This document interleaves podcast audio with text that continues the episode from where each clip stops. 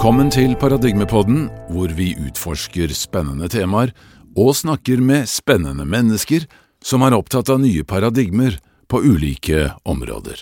Mitt navn er Terje Toftnes. Jeg har fått eh, besøk her i studio av eh, en som gjennom flere år har markert seg som blant annet eh, journalist, forfatter, foredragsholder og kursholder, og som fremdeles er svært aktiv.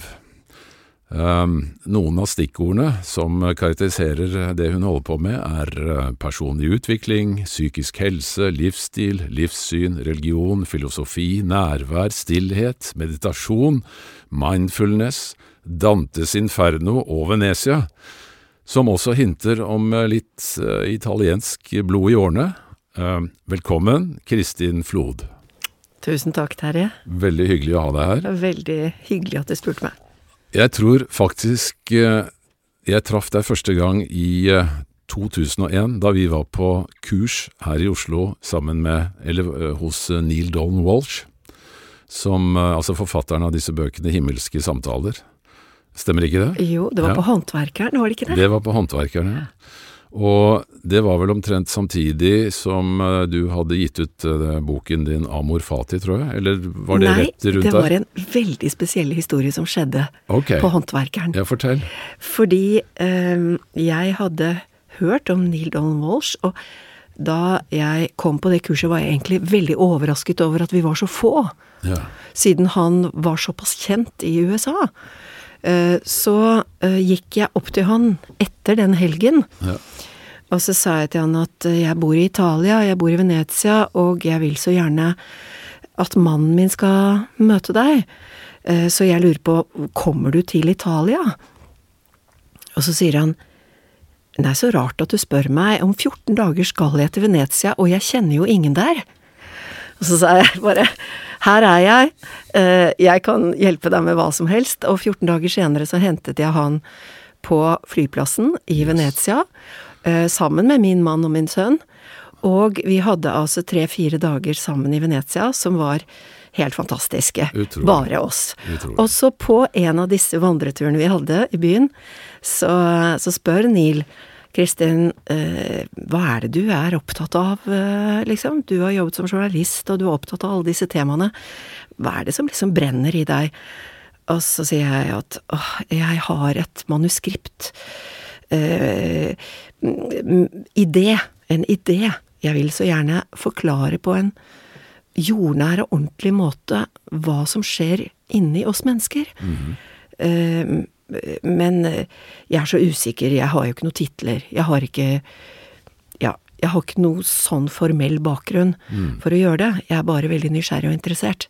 Og så sier han, Kristin, du må huske på hva Nike sier. Just do it. Oh yes. Du skal ikke tenke på noe annet enn Nike sitt slagord, og bare gjør det. Just do it. Just do it. Og det ga meg altså en enorm inspirasjon. Mm. Så eh, et år senere så Jeg fortsatte jo å holde kontakt med Neil. Eh, og vi ble eh, ganske gode venner en periode. Og et år senere så sa jeg nå er manuskriptet ferdig, kan du skrive forordet? Ja, det ville han veldig gjerne. Yes, yes. Og så skrev han forordet, og så fikk boken, så fikk manuset en lang reise eh, før utgivelse, men eh, den kom jo ut. Og ble en av de første bokene, bøkene i Norge faktisk, om eh, ja, det å rette merk oppmerksomheten innover. Men eh, eh, det var jo en grunn til at du da befant deg på dette seminaret med Neil Dawn Walsh i 2001. Hva var det som satte deg på det sporet i utgangspunktet?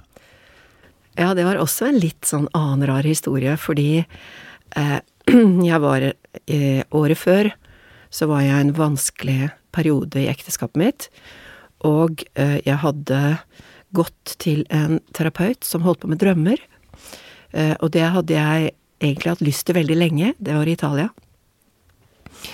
Og øh, jeg gikk til henne omtrent hver annen uke over et år. Og etter noen måneder så begynte jeg å drømme veldig mye om Afrika. Eh, og hun maste sånn på meg, du må reise til Afrika. Og jeg sa, jeg, jeg er ikke interessert i Afrika. Hva, det må bety noe annet. Nei, sa hun, du, dette er så insisterende at du må se alvorlig på dette. Og så begynte jeg å tenke hvordan, ok, hvor, jeg har et lite barn, hvordan skal jeg organisere dette? Og så falt liksom brikkene på en rar måte sammen, så jeg bestemte meg for å reise til Cape Town i tre måneder. Og mine venner lurte på hva skal du gjøre der? Nei, det vet jeg ikke. Eh, men du bruker mange penger. Eh, ja, men jeg vet bare at jeg skal dit, og jeg vet ikke helt hvorfor. Og det er første gang jeg har gjort noe eh, så stort Ja. uten å ha noen som helst slags grunn. Utrolig. Eh, og der nede, bare etter en uke eller to, kort tid, så var jeg på et eh, foredrag på et eh, om en sånn healing-metode som jeg bare kom borti tilfeldigvis.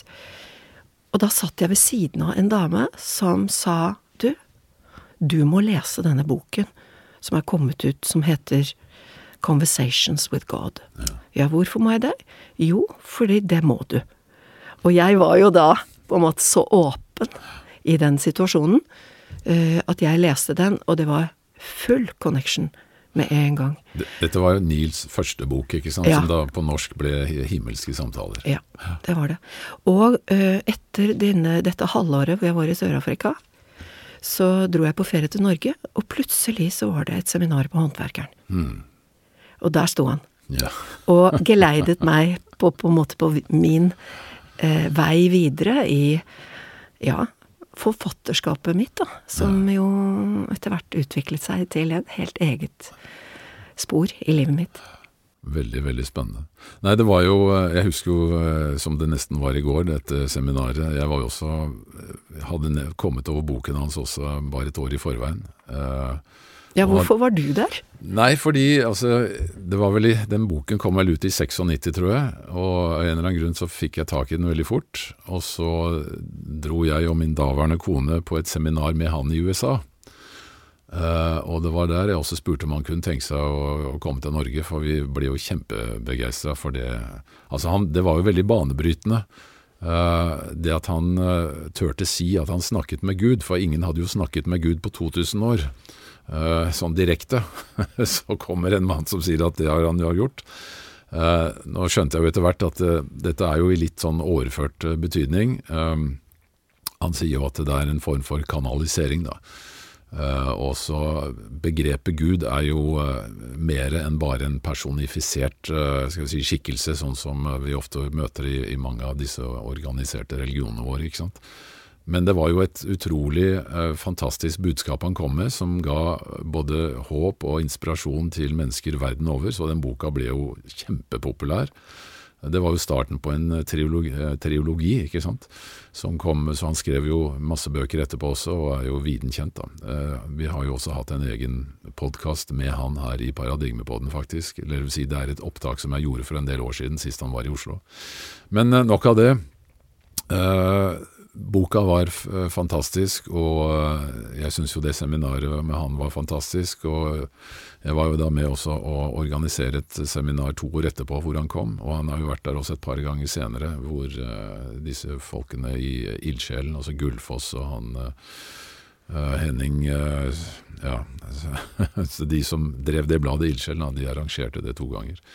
Men nok av det. Og så var den i Oslo konserthus, husker ja, du det? Terje? Ja, nettopp. Da Og jeg tenkte at det var veldig stort, tidlig, å ha en sånn stemme på scenen på Oslo konserthus. Og da, da introduserte Du jeg introduserte, han, og og det det- var også veldig stort for meg, fordi det har jeg aldri gjort med noen før. Det har jeg faktisk filmopptak av eh, som Jeg vet ikke om jeg har sendt det til deg, i hvert fall så kan jeg gjøre det hvis du er interessert. Men det var en veldig fin introduksjon du hadde den gangen. Men Kristin, eh, du har kurset over 1000 kvinner og menn, leste jeg her et eller annet sted, i det som du kaller stillhetsretreat. Hva er dette? Hva går det ut på? Kan du fortelle litt om det? Jeg er veldig glad du spør meg, fordi det er Jeg har selv vært på mange forskjellige typer stillhetsretreat. Og nå er det på en måte blitt litt sånn fashion, mm. det å reise på retreat. Og det er veldig mange ulike formater, har jeg selv opplevd og hørt. Det jeg gjør, eh, som jeg har gjort helt siden min bok 'Rom for stillhet' kom ut i 2005, som jo nå er 18, 18 år. Eh, umiddelbart etterpå det så begynte jeg å gjøre Ta med meg grupper til et kloster i Italia. Der, som jeg selv kjente utenfor Venezia, der jeg bor. Altså, det, for de som ikke kjenner deg godt, så må Ja. da si at du Er det italiensk far eller mor Nei, mor. Min Mor mor er er italiensk, italiensk, men jeg er oppvokst i Oslo. Ok. Ja. Så, men jeg har snakket begge språk, og så kan jeg jo bare si at hun eh, I oppveksten min så advarte hun meg mot blandede ekteskap. Hun sa nemlig det er veldig vanskelig, så det anbefaler jeg deg ikke, og sånn må man ikke, må man ikke si til barna sine, for de går jo rett dit. Det vet vi jo. Så jeg traff en italiener, og flyttet da til Italia. Og bor i Venezia. Eh, og etter Rom for stillhet så begynte jeg å invitere med meg grupper til dette klosteret, nonne, aktive nonneklosteret som jeg kjente. Fordi jeg hadde arbeidet veldig mye med dette temaet i forbindelse med boken min, og hadde også selv eh, reist for å være alene i stillhet helt siden jeg begynte å meditere på midten av 80-tallet. Og, øh, ja, og jeg hadde også vært på flere retreater med læremestere og veiledere, og opplevd at det å bare rydde rommet for å la det oppstå, det som er der i øyeblikket, uten å interferere og forstyrre, det var en utrolig spennende prosess. Og så begynte jeg sammen å, å, å, å på en måte knytte dette sammen med eh, min egen prosess, som jeg gjorde i noe som heter Diamond Approach. Som jeg begynte med i ca. 2000. Ok. Uh, og holdt på med i 12-13 år. Så da hadde jeg allerede gjort, vært i en, en, inni en metode, så begynte jeg å kombinere min egen erfaring med å reise uh, og være i stillhet, uh, i meditasjon, i bønn, i bare ingenting, med metoden til Diamond Approach. Og jeg så at det skjedde noe helt utrolig i løpet av en uke eh, med de som Det var ganske kort tid etter jeg begynte, så fikk disse retreatene klengenavnet skjønnhetsretreat. Fordi det skjedde noe utrolig vakkert med hvert eneste individ fra den dagen de kom, og til den dagen de reiste.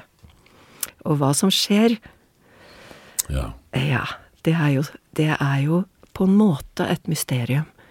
Hver eneste gang eh, jeg er ferdig med en retreat, jeg holder altså to stykker i året, så sitter jeg med den samme følelsen av enorm eh, ærbødighet overfor mennesket, og overfor det vi ikke forstår, eh, fordi jeg ser en slags glød i en, hver eneste person som kommer ut av det mennesket.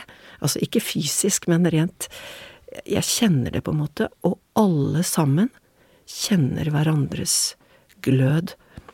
Som jeg også kaller for nærvær, da.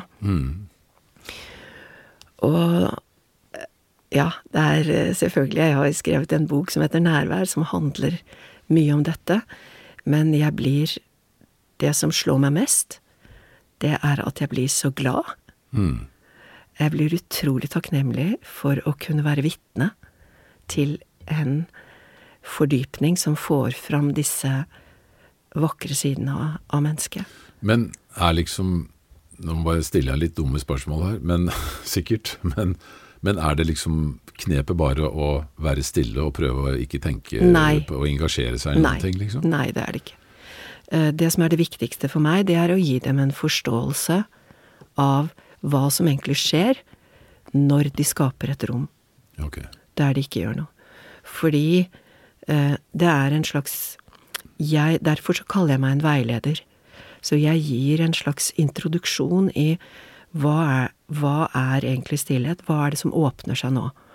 Det som åpner seg veldig tidlig, det er en hel protest innenfra som ikke vil inn i det stille landskapet fordi det er ubehagelige ting som ligger der. Okay. Um, og det som er ubehagelig, det kommer opp til overflaten. Sånn at jeg lærer dem da hvordan håndtere disse boblene som kommer fra dypet, på en måte, som i en liten innsjø, og, og, og sprekker, og hvordan de kan håndtere dette gjennom forskjellige øvelser, gjennom skrivingen, uten å være i tale, men mm. bare gjøre dette for seg selv, samtidig som de er eh, holdt, på en måte, av gruppen, mm. av nonnene.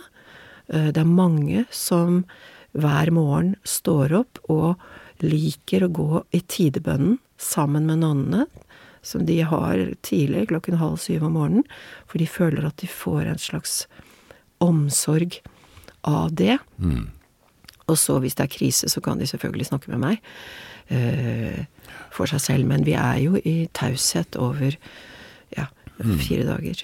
Men hvis jeg skal da bruke litt sånn, holdt på å si nesten uh, maskulin mental tenkemåte på dette, og prøve å forstå logikken i det, så er det altså det at du uh, Altså vanligvis så er vi jo nærmest bombardert av Eh, eksterne eh, inntrykk eh, gjennom alle våre sanser, og ikke, for ikke å snakke om alle disse mediene som vi nå omgir oss med. slik at hodet, eller tanken, eller sjela, for å si det sånn, har vel kanskje så mye jobb med å prosessere alt dette, som kommer inn hele tiden, Eh, slik at man ikke får anledning til å prosessere det som egentlig ligger helt i bunnen og kanskje trykker. Så det, og så er det sånn at når du på en måte skrur av den voldsomme inputen da, som du får eh, gjennom hele døgnet eh, Kanskje noe altså Når vi sover, da, så har vi jo, har vi jo forskjellige typer søvnfaser hvor vi også kanskje prosesserer mye av disse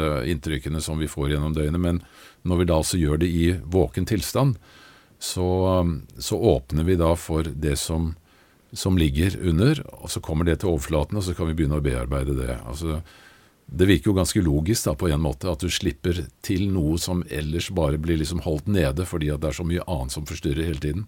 Ja, absolutt. Og det er derfor jeg sier at egentlig så er dette en uke der de lærer seg å lytte til det som de kanskje ikke lytter så godt til ellers. Mm. Og selve lytteprosessen er veldig spennende, fordi etter hvert som de blir mer vare, etter hvert som dagene går, så blir lyttingen mer subtil, den blir mer finkornet, og de plutselig begynner å lytte til det som kommer innenfra, selvfølgelig, først og fremst, for det er det jeg inviterer til, men det begynner også å skje en slags kommunikasjon med det ytre landskapet, som er veldig vakkert, for dette klosteret har en stor klosterhave, mm. det er natur der, nonnene har en helt spesiell omsorgsfølelse, eh, sanseapparatet i den maten vi får servert, som er helt kortreist og laget med kjærlighet, eh, også påvirker Så det er mange elementer som plutselig åpner seg. Eh, så lytteprosessen utvider seg. Og i det så skjer det også noe i selve bevisstheten. Mm. Eh, og det er utrolig interessant. Ja, det skjønner jeg veldig godt. Men eh, du gjør jo ikke dette bare i kloster, du har jo også eh, samlinger her eh, i Norge, eller har hatt i hvert fall? Ja, nå de siste årene. Det er bare de siste fem årene, da. Mm. Og jeg har begynt å ha noen langhelger. Men det er et kortere format, ja. og er på en måte en liten smakebit okay. eh, av det som jeg alltid anbefaler, nemlig å gjøre en hel uke, mm. fordi det bærer mye rikere frukter enn bare noen få dager. Men allerede med noen få dager, i omgivelser som selvfølgelig i Norge er altså omgitt av natur, da, mm. som er noe annet enn eh, å være i et kloster der mm. de har en lang, lang, lang tradisjon med eh, retriter. Mm. Eh, likevel, i naturen så eh, kommer det også eh, noe som er veldig verdifullt, nemlig den første Eller ikke første, det er mange av dem som har gjort dette tidligere, men eh, den opplevelsen av at den indre verden får større plass, og at mm. jeg kan lytte på en annen måte enn det jeg gjør vanligvis. Kanskje det er derfor vi nordmenn er kjent for å være veldig glad i å gå tur i naturen. Fordi det rett og slett bidrar til en om ikke så, Selv om ikke vi går en uke, da, så, så bidrar det til å, å forløse en sånn prosess. Absolutt, absolutt. Men det jeg, jeg, tenker da, når det gjelder å gå tur i naturen Ja, vi har dette preet, mm. men vi har ikke den Vi har ikke fått med oss gjennom familien den nysgjerrigheten om hva er det som ligger her? Hvilke ja. muligheter har vi til å utforske dette landskapet mm. som vi opplever i naturen? Det har vi ikke fått fordi det er så ja, det er andre ting vi er oppvokst ja. med, da. Alle aktivitetene, f.eks. Mm. i naturen. Men uh, skriving er også en del av dette, sier du. Fort, fortell litt om det.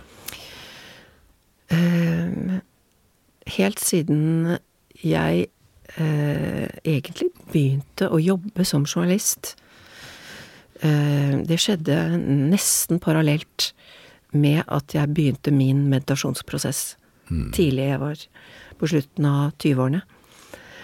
Og derfor, eh, det, med denne kombinasjonen, og jeg elsket å skrive, og jeg, jeg begynte veldig tidlig å eksperimentere med skrivingen for å observere og registrere hva som foregikk i meditasjonen og i på en måte skritt for skritt prosessen hvordan bevisstheten min utviklet seg.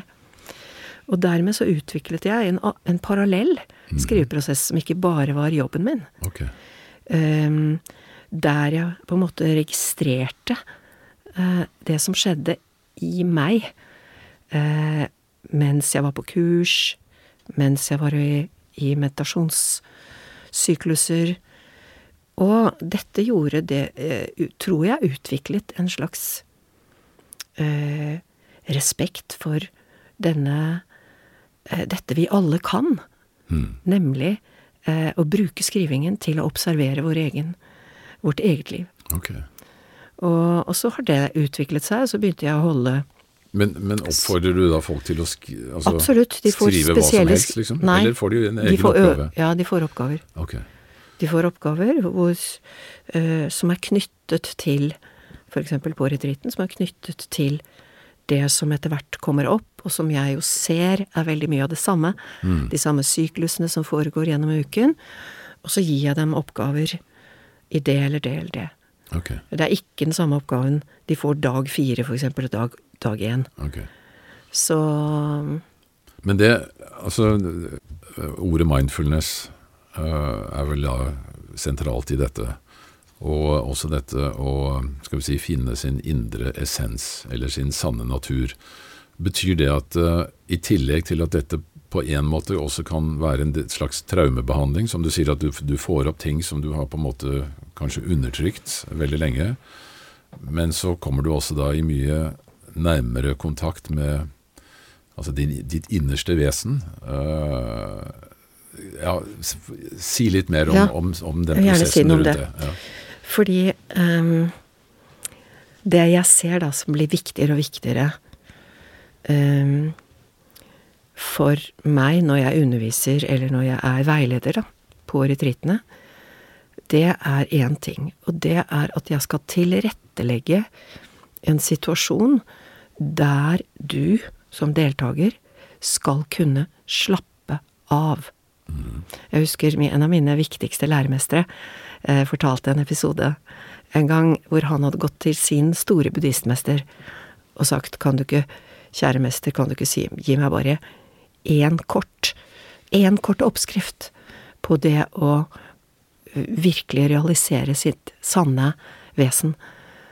Og så sier denne store buddhistmesteren just relax. og um, gjennom erfaringen min, da, så ser jeg at det er det som er mitt største ønske. Å skape en situasjon der eh, du som deltaker kan komme mer og mer og mer i avspenning. Mm. Og når det skjer, og der er det jo så mange grader, så mange forskjellige nivåer, og jo mer det skjer, jo mer åpner det seg noe annet som er helt naturlig, som ikke kan pushes, som ikke kan trekkes opp, øh, eller påvirkes sånn sett. Det er rett og slett bare la det slippe til. Og skape den Så det er mitt ønske på retreatene. At, at hvordan går det an å skape det landskapet som kan slippe til det som er eh, deres eh, glød, da, eller deres eh, essens. Eller det som er autentisk, fordi det er jo det jeg ofte bruker når jeg underviser. Eh, at jeg sier hva er dette? Hva betyr det å være autentisk og ekte? Eh, ja, det på en måte er det et mysterium. Og på en annen måte så kjenner du det igjen når du er i berøring med det. For du Det er en egen fornemmelse som heter å I hvert fall sånn opplever jeg det, og jeg ser det rundt meg. Som heter å være i berøring med det som er sant. For meg. Men hva er forskjellen på dette og meditasjon? Meditasjon er på en måte et verktøy. Det er et, et et for å, for, å, for å Et verktøy til selvforståelse. Eh, sånn som jeg opplever meditasjonen, i hvert fall gjennom de lærerne jeg har hatt. Jeg plutselig så ser jeg hvordan sinnet mitt fungerer. Eh, og ved å erfare det igjen og igjen og igjen, så ser jeg at sinnet mitt hele tiden serverer meg Jeg pleier å kalle det for, for, kalle det for tankemaskinen, tankefabrikken min. Tankefabrikken min produserer ting hele tiden, og veldig mange ting er nyttige. Veldig mange ting er helt unyttige. Hvordan kan jeg skille? Hvordan kan jeg lære å skille det unyttige fra det unyttige? Nyttige fra det unyttige? Eh, Så det er veldig mye læring, og samtidig så er det en investering i eh, noe annet i meg, da. Som er Som begynner å eh, virke. Det begynner å eh, utvide seg. Så det er to forskjellige, sånn som jeg opplever det, to forskjellige parallelle prosesser som skjer i meditasjonen. Fascinerende. Virkelig. Du, um, negativ self-talk er et begrep. Uh, den, altså denne indre sabotasjen som uh, vi alle har fra tid til annen. Si, si litt om det. Ja, og det, det syns jeg er så viktig tema, så jeg er veldig glad for at du peker på det, fordi det var en av de aller første tingene som uh, jeg opplevde da jeg begynte eh, å meditere på 80-tallet. Og som jeg ble så overrasket over, og dette skriver jeg også i Amor Fati, i den boken. Jeg ble så overrasket over at jeg hadde en stemme inni meg som ikke var min venn. Eh, og eh, jeg kunne etter hvert gjenkjenne de setningene, de budskapene, som denne stemmen på en måte presset innenfra, og prøvde å overbevise meg om at det denne stemmen sa, var sant. Dette var jo noe som jeg opplevde og erfarte over lengre tid. Det var ikke noe sånn som skjedde over en uke, men litt og litt av litt av gangen så begynte jeg å spørre meg hvorfor går jeg rundt med denne stemmen som egentlig ikke vil meg vel? Hva er det den vil meg? Og hvordan kan jeg sjekke om det den sier er sant? Altså, jeg, jeg begynte et slags lite forskningsprosjekt, egentlig. Eh, og så begynte jeg å kalle den etter hvert for sabotøren. Ok. Fordi Og da visste jeg ingenting om at psykologien, det fikk jeg vite lenge etterpå, at psykologi, i psykologien så er det en egen mekanisme som heter superego, Ja. som er på en måte kongen, eller keiseren, eller den rådende i egostrukturen vår. Dette kom mye, mye senere. Men helt i starten så la jeg merke til denne veldig krympende og destruktive funksjonen som jeg hadde i hodet mitt, og jeg ble utrolig nysgjerrig. Og da, eh, bare med min nysgjerrighet, at jeg på en måte hentet den ut av hodet mitt og la den under mikroskopet og begynte å undersøke den, så begynte den liksom å roe seg ned. Og det syns jeg også var et utrolig interessant fenomen. At det var ikke egentlig noe jeg gjorde for å bli kvitt den. Jeg bare hentet den opp, og så Ha, Ja ja, der er du igjen, liksom. Og så begynte den å tone seg ned. Eh, men ikke for å forsvinne, men for å komme inn en annen bakdør, kanskje. Eller for å uttrykke seg på andre måter, da. Men da hadde jeg allerede utviklet et slags eh, oppmerksomhet som eh, ble mer bevisst når den kom på banen. Og det hjalp meg veldig. Vi alle, alle mennesker har vel dette i, i, i større eller mindre grad. Uh, det er jo også laget en sang som het 'Styggen på ryggen', som jeg tror også gjenspeiler litt på dette. At du har en som sitter og hvisker uh, saboterende eller negative ting i øret på deg hele tiden. Man kan jo lure på altså, hvor kommer alle disse tingene fra? Altså, Hvorfor er det et sånt vanvittig virvar av tanker i hodet? Og ikke minst, altså, hvor kommer alle disse rare drømmene fra, da? Vi er ute og reiser i et vanvittig landskap hver eneste natt og treffer mennesker som vi ser helt tydelig, som vi aldri har møtt før.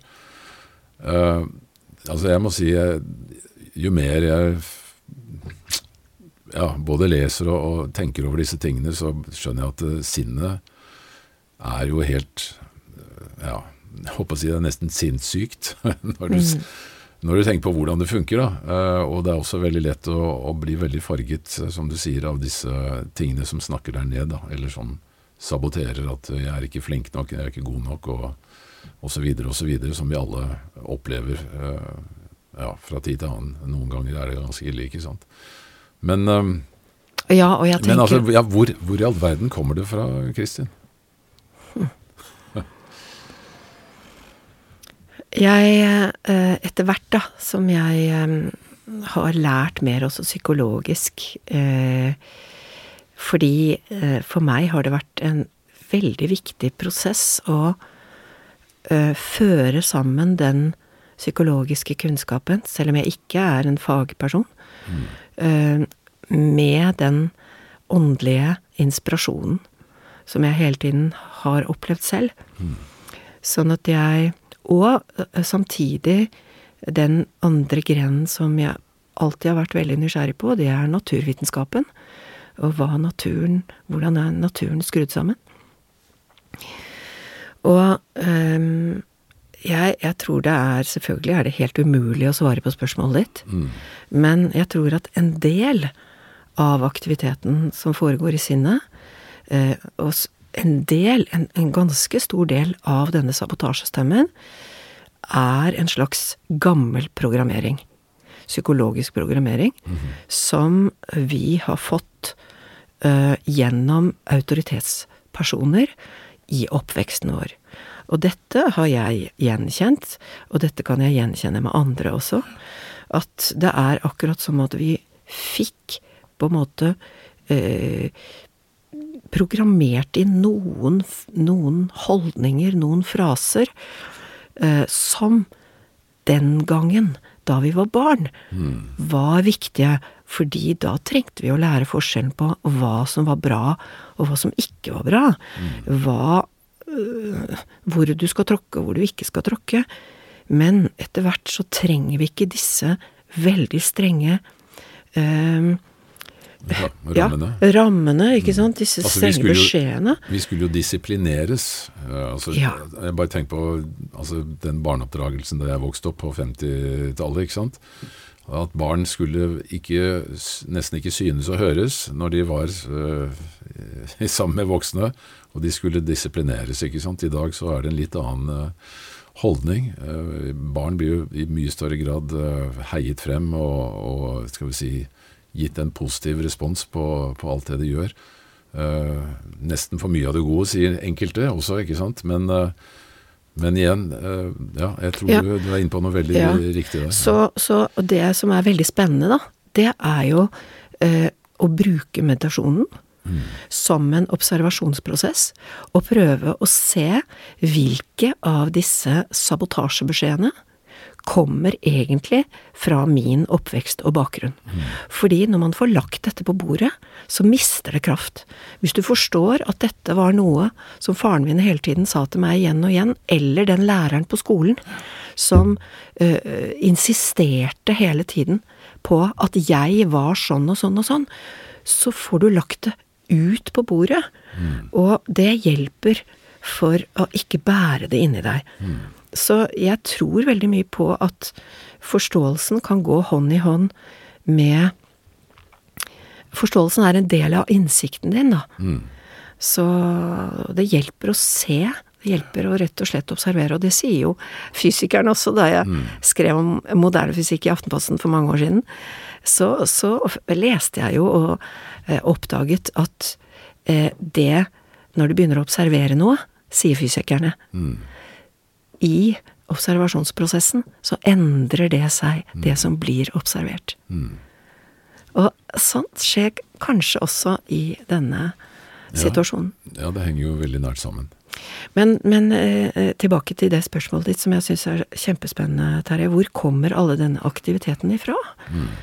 Eh, fordi det jeg selv har opplevd gjennom mange års meditativ prosess og arbeid med mitt eget indre materiale, det er jo at på et visst tidspunkt så oppstår det et annet informasjons... Kan du si um, en, en mengde informasjon som kommer fra et mye mer spennende sted enn Men det går gjennom sinnet, det også. Og det er jeg ofte forundret meg over. At etter hvert som det På en måte det personlige eller egostrukturte e e Egostrukturens eh, sinn roer seg ned, sånn som det gjør i retreatene, så gis det plass til en annen type informasjon som kan stige opp. Som har en helt annen karakter, og som har en helt annen Og mange kan gjenkjenne dette som intuisjon, for eksempel, eller glimt av innsikt. Men jeg opplever jo at denne, disse små glimtene, disse små tingene, kan faktisk utvide seg og bli som et landskap som vi kan ha tilgang på. Og da, da begynner det å bli veldig spennende. For det ligger, og det opplever jeg jo selv, og ser også eh, med gruppene jeg har hatt, at eh, det ligger et landskap der med en informasjon som er erfaringsbasert og ikke kunnskapsbasert, som jeg pleier å si eh, på retreatene mine. Eh, vi har en kunnskap, eh, men vi har også en informasjon som ikke kommer fra det som er tillært. Det kommer fra et annet sted. Altså mennesker Vi mennesker er jo egentlig ekstremt kreative. Altså at vi, vi eh, Det ser vi jo på alt det vi har klart å skape av eh, rariteter på denne jordkloden. Men, eh, men det der at du kan våkne altså en morgen med en idé i hodet som er løsningen på et problem du har eh, stridd med lenge? Det er jo veldig mange uh, oppfinnere som forteller at uh, de løser veldig mange problemer mens de sover. Uh, men, men den, skal vi si, det, det drivet etter å skape noe, altså det skapende mennesket, det kreative mennesket, er jo egentlig utrolig fascinerende, for det er jo en, en kraft som vi alle har i oss, ikke sant? Som, eh, og jeg syns jo personlig da at det er veldig eh, spennende det som nå skjer med, med den nyeste kvantefysikken, hvor eh, de faktisk hevder å kunne se at det er en slags underliggende urkraft i fysikken. Altså De kaller det for et slags kvanteplasma som ligger under og bobler under alt, og som da er opphavet til eh, bl.a. materien, men også til alle andre energiformer eh, i hele universet. Så altså, man kommer jo veldig fort da ned på er dette det vi kaller Gud? Eh, er det kosmisk intelligens? Er det alt som er? Altså, vi kan kalle det hva som helst, men det er helt tydelig at vi er jo en del av dette. Og da igjen så er det jo lett å si at ok, det er altså denne underliggende kraften, denne bevissthetskraften da, som er i oss, som uttrykker seg gjennom oss, ikke sant? Sånn at livet på en måte lever oss. Det er ikke nødvendigvis vi som lever livet, men livet bruker oss for å leve seg selv. Og gjennom denne kraften så skaper det da alle mulige typer eh, altså situasjoner og dramaer osv. osv. som uh, igjen da genererer alle disse erfaringene, sånn at vi blir jo på en måte leverandører av erfaringsdata inn i denne helheten hele tiden. ikke sant? Uh, og det er da jeg tenker at uh, alle disse tankene, da, for å snakke om hvor kommer det fra, er det noe som rett og slett leveres fra denne ursuppa da, av uh, energi, som skal prosesseres i hver eneste skal vi si, skapning, fordi at det er en del av hele denne erfaringsprosessen, da, som igjen da produserer interessante erfaringer som er med på å utvikle helheten. Ja, nå ble det litt uh, Nei, jeg syns det var kjempefint det du sa nå. For, at, poenget er at det, fysikken kan jo bekrefte nettopp at det er energi og informasjon som ligger i bunn. Og de sier jo at uh, hvis vi kaller det for bevissthet, så er det måten bevissthet uttrykker seg på i den materielle verden, er gjennom energi som organiseres av informasjon. Og så er spørsmålet hvor kommer da både energien og informasjonen fra? ikke sant? Der er, ja, denne ursuppa, hva er det? Men uh, ja. Hva er det? Ja. Og uh, det som er veldig Tilbake til mine stillhetsretriter, da. som, er, som jeg syns er fascinerende det er at vi kommer dit, og jeg ser det også hos deltakerne mine, at de kommer på en måte i berøring med noe som ikke kan settes ord på. Mm. Altså som kalles for det ordløse.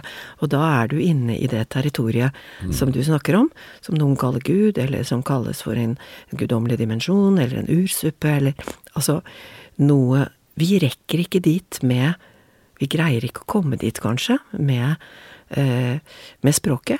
Nei, eller med, med vår dagbevissthet. For det, og kanskje ikke er meningen at vi skal komme dit heller, ikke sant? for da mister vi litt av eh, skal vi si, ferskvarefølelsen ved å være i, i en menneskekropp. Ja, eh, men så syns jeg også det er utrolig interessant det at det er et skapende prinsipp der. Mm, ja. eh, ikke sant? Fordi at alle mennesker, når de på en måte er i berøring med noe større, da, mm. kan få den opplevelsen av at det å være skapende er helt essensielt. Spiller ingen rolle hvordan man er skapende, man bør ikke være kunstner eller noe sånt. Mm. Men det er den erfaringen av å være i kontakt med noe skapende, mm. som på en måte er den vitaliteten, da, eh, som jeg syns er utrolig fascinerende. At det er kanskje vi er eh, på en måte, akkurat som du sier, skapelses... Mikroskopiske skapelsesskapninger. Mm, ja, ja, ja. Nei, altså det, det, er, altså det, er, mange spirituelle tradisjoner som mener det. Og tilbake til Neil, Neil Donald Walsh. Han sier jo også det at, uh, altså at skal jeg si, Gud ut, altså Han bruker jo begrepet Gud, da. Og han har jo Jeg husker når jeg kjørte han til Gardermoen etter eh, en av de der siste eh, konferansene han hadde her i Oslo. Så spurte han hvorfor, eller jeg stilte han spørsmålet hvorfor bruker du begrepet Gud. Han sa det at uh, jeg skjønte fort at hvis uh, denne boken som jeg holdt på å skrive, uh, skulle få gjennomslagskraft, så måtte jeg bruke det begrepet, fordi det provoserte mange til å rett og slett kjøpe boka og lese den. Hvis jeg hadde brukt et annet uttrykk, altså whatever, liksom, så hadde kanskje ikke det nådd ut til så mange. Men eh, ok, la oss kalle det Gud, da. Um, ja, nå datt jeg ut her. Hvor var jeg nå? Uh, men, I, skapelsen? Ja, i skapelsen. ja. Altså at um, denne skal vi si, guddommelige kraften, da, den ønsker å erfare seg selv. Uh, og det er på den måten universet da, eller hele det materielle universet, og sikkert også da mange andre immaterielle dimensjoner av virkeligheten, hele tiden utvikler seg ved at at uh, denne Det ligger et push der hele tiden, ikke sant. Og jeg husker jo uh, Ragnhild og jeg, vi traff jo han uh, Deepak Chopra. Og, og, da stilte jeg det spørsmålet hva, Men hvorfor er vi liksom Hvor kommer denne kreative kraften fra? Som er i alle mennesker. Så sa han It's the creative play of consciousness. Like wind is inherent in air, creativity is inherent in consciousness, sa han. Så det er også innbakt i hele systemet at vi er kreative skapninger. Det er det som er hele poenget. Og um, da, som jeg ofte pleier å si, hva er da meningen? Og da er det veldig lett å bruke det der uttrykket som TV 2 hadde som slagord for en del år tilbake. Se hva som skjer! For det er jo nesten sånn, ikke sant. Vi kommer hit ganske Altså kommer inn i denne verden, og så er vi her for å se hva som skjer. Så må vi bare gjøre det beste ut av det. Og det er jo alltid en utrolig heftig, spennende, brutal, vond øh, altså, og samtidig euforisk prosess, ikke sant. Det har i seg alle disse dimensjonene. Ja. Det er jo helt en vanvittig, fantastisk konstruksjon. Hvis du skulle konstruere en slags opplevelsesrobot og et miljø hvor den kunne gjøre erfaringer, så må jo altså menneskekroppen være noe av det mest ultimate i så måte. Ja. Yes, men det er en annen dimensjon her som jeg har vært veldig opptatt av siden jeg begynte å uh, arbeide med en bok om Frans av Assisi Ja. for uh, en del år siden.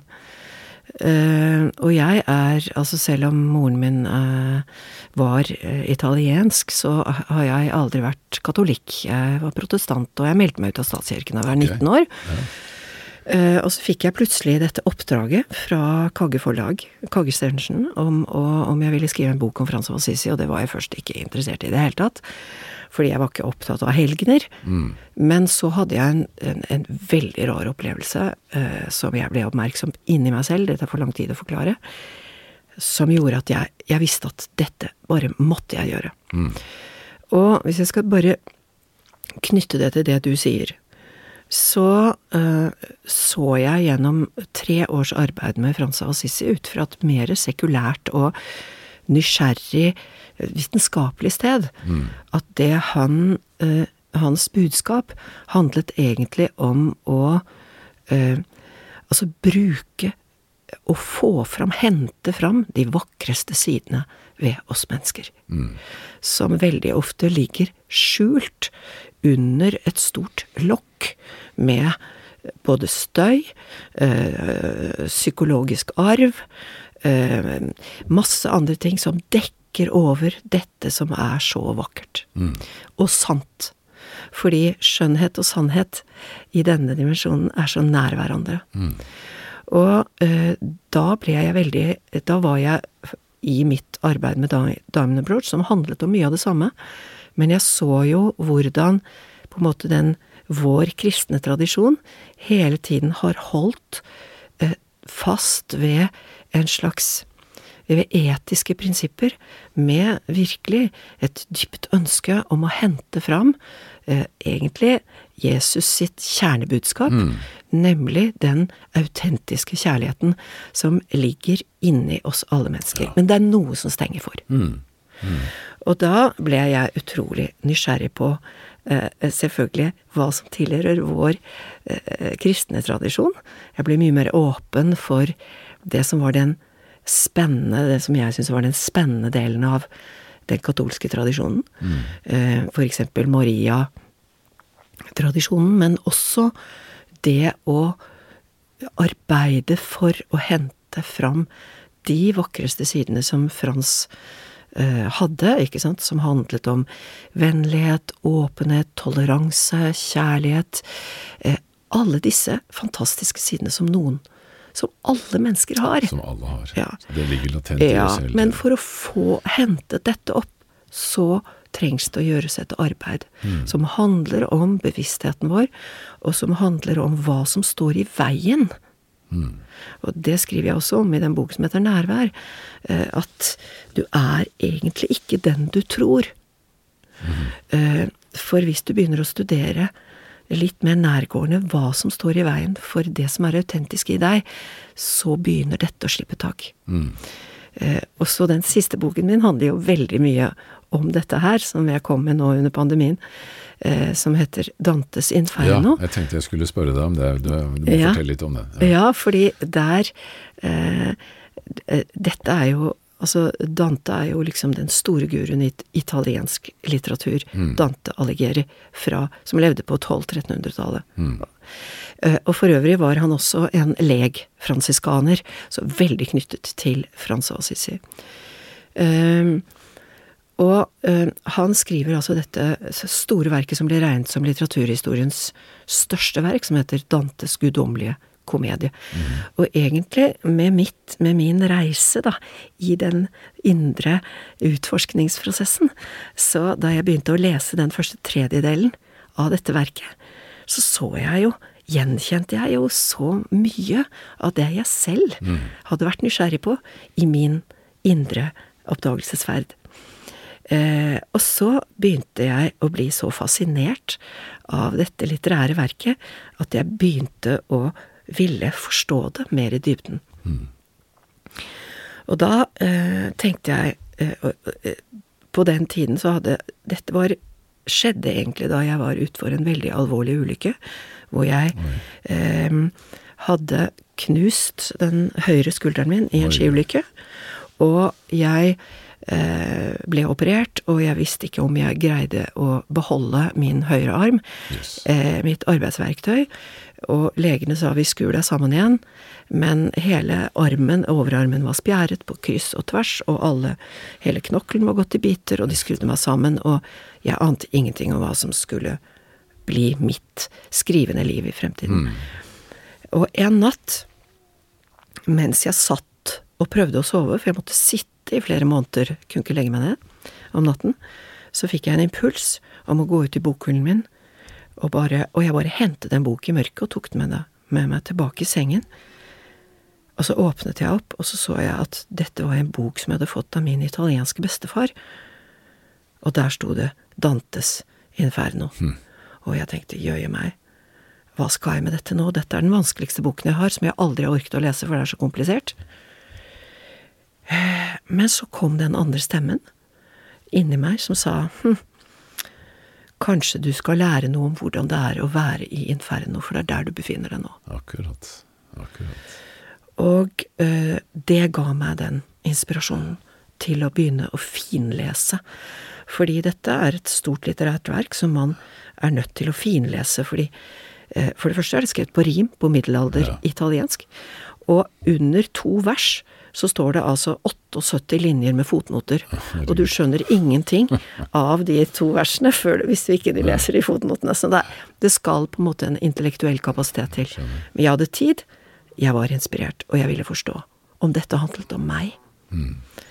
Men fordi, og så etter hvert så ble jeg så dratt inn på, i denne reisen, som da er hovedpersonen Dantes reise, ned i mørket og gjennom et landskap under jorda, hvor han møter altså hundrevis av mennesker som har begått såkalte synder, men som i mitt hode egentlig bare hadde sklidd på sine egne dumme bananskall og gjort idiotiske ting i livet, og dermed på en måte bare næret de dårlige sidene ved seg selv, istedenfor å eh, se at de var noe mer.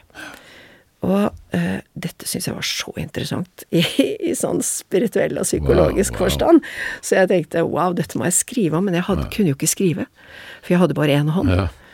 Og dermed så tenkte jeg ok, hva er den langsomste måten jeg kan skrive noe på nå med én finger på tastaturet?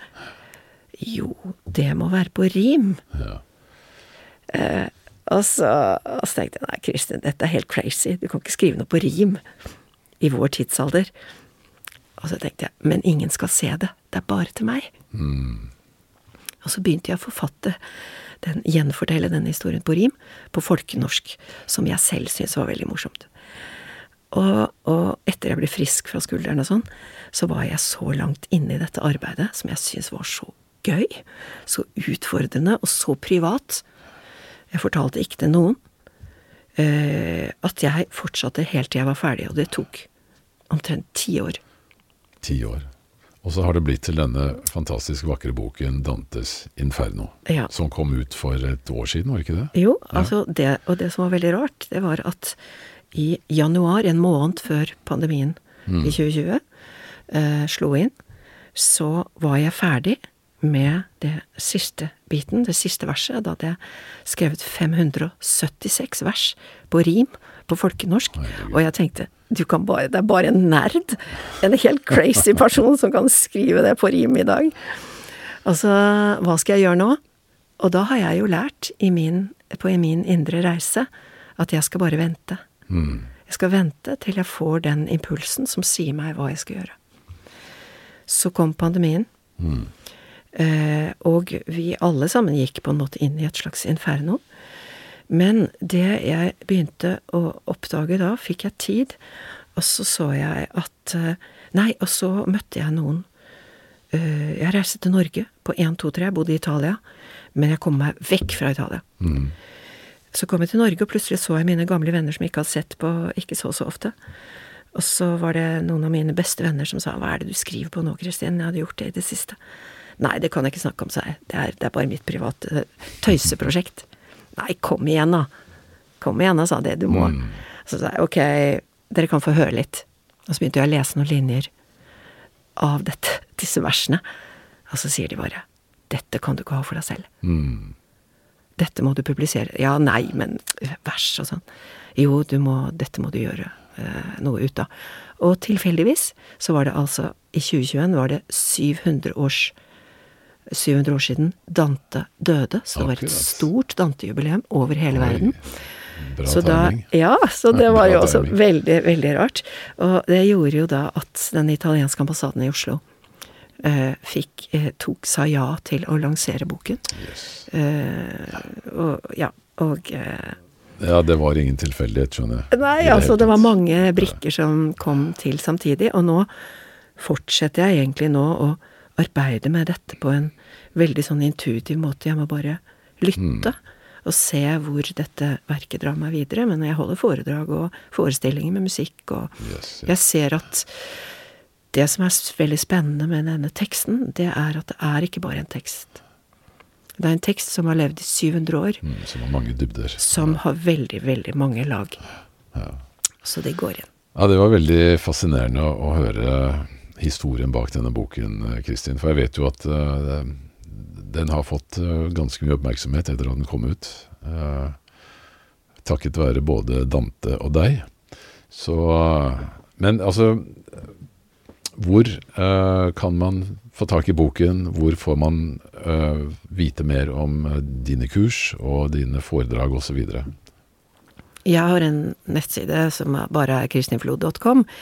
Eh, boken eh, Selv om akkurat denne boken er selvpublisert, altså jeg har publisert den selv, i, motsetning til de andre bøkene jeg har skrevet som har vært på store forlag, så, f så kan man få den i bokhandelen. Okay. Eh, eller så kan man gå inn på min, eh, min eh, nettside og kjøpe den derfra. Du um... Kursene mine Ja. De ligger også på min nettside, og eh, nå skal jeg faktisk ha et kurs, et Skriv deg innover, som jeg kaller det for. Denne skrivemetoden som jeg bruker, i Trondheim i begynnelsen av januar. Og så skal jeg ha en retreat i eh, i Norge i midten av mars, på et vakkert sted utenfor Kongsvinger som heter Det er en storgård som heter okay. Opaker gård. Der skal vi være eh, fire dager i taushet. Og så har jeg en vandretur som jeg organiserer i Assisi i Frans sine fotspor i Wow. april. Så det er liksom vårsesongen min, da. Dette er jo utrolig spennende, og eh, jeg anbefaler jo alle å titte nærmere på dette på nettsiden din, altså kristinflod.com. Ja. Ja.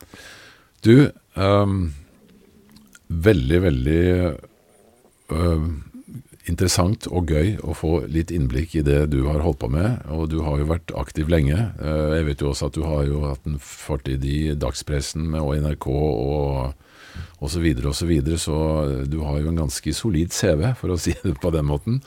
Men det er jo fantastisk at du fremdeles holder på med dette, og bidrar til at mange mennesker også kan få oppleve det å finne sin eh, sanne natur. Så tusen takk, eh, Kristin, for denne praten, og all lykke til videre med det arbeidet du gjør, som jeg vet at veldig, veldig mange setter pris på. Tusen takk til deg, Terje. Det var veldig, veldig fint å være her sammen med deg. I like måte. Og takk for alt det arbeidet som du gjør. Fordi det er viktig for veldig mange mennesker. Ja, takk skal du ha. Det er jo altså vi, får, altså vi Alle fugler kvitrer jo med sitt nebb, som det heter. Vi må jo prøve så godt vi kan med de, de, de mulighetene vi har. Så nei, det er veldig moro å, å kunne prøve å få eh, ting ut. Eh, nå er det så mange muligheter eh, gjennom alle sosiale medier, så det vi har gjort nå med, altså med den podkastmodellen, er jo også en fantastisk måte å, å, komme i kontakt med mennesker på. Da. Ja, Men da vil... trenger vi noen som kan snakke, så ja. tusen takk. Kristin. Men jeg vil altså legge til det, Terje, at du har den unike åpenheten din, da, som er veldig spesiell. Eh, og som jeg tror veldig, veldig mange mennesker setter pris på, fordi du den åpenheten din, da, som går fra naturvitenskapen, og gaven du har til å formidle både det som handler om et spirituelt perspektiv, og naturvitenskapen, det er, det er en sjelden gave. Jeg gjør i hvert fall så godt jeg kan ja. ut fra de verktøyene jeg har i verktøykassa, så får vi håpe det, det kan få litt uh, gjennomslag. Takk skal du du ha igjen. Takk skal du ha, og lykke til videre. Takk. Ja, stor takk til Kristin Flod, og hennes nettside er altså kristinflod.com. Så vil jeg få benytte anledningen til å opplyse om at jeg skal holde et foredrag om mange av disse temaene som vi tar opp i Paradigmepodden, men spesielt relatert til fenomenet bevissthet. Det skjer den 14. februar på Litteraturhuset i Oslo og mer informasjon om foredraget vil du finne på min Facebook-side. Og så minner jeg om vårt vips nummer som er 524005, 524005, for de som vil støtte oss videre, og igjen tusen takk til alle dere som har gjort det. Så da gjenstår det bare for meg å ønske alle lyttere av Paradigmepodden en riktig god og fredelig jul. Og velkommen igjen neste uke til en ny episode av Paradigmepodden.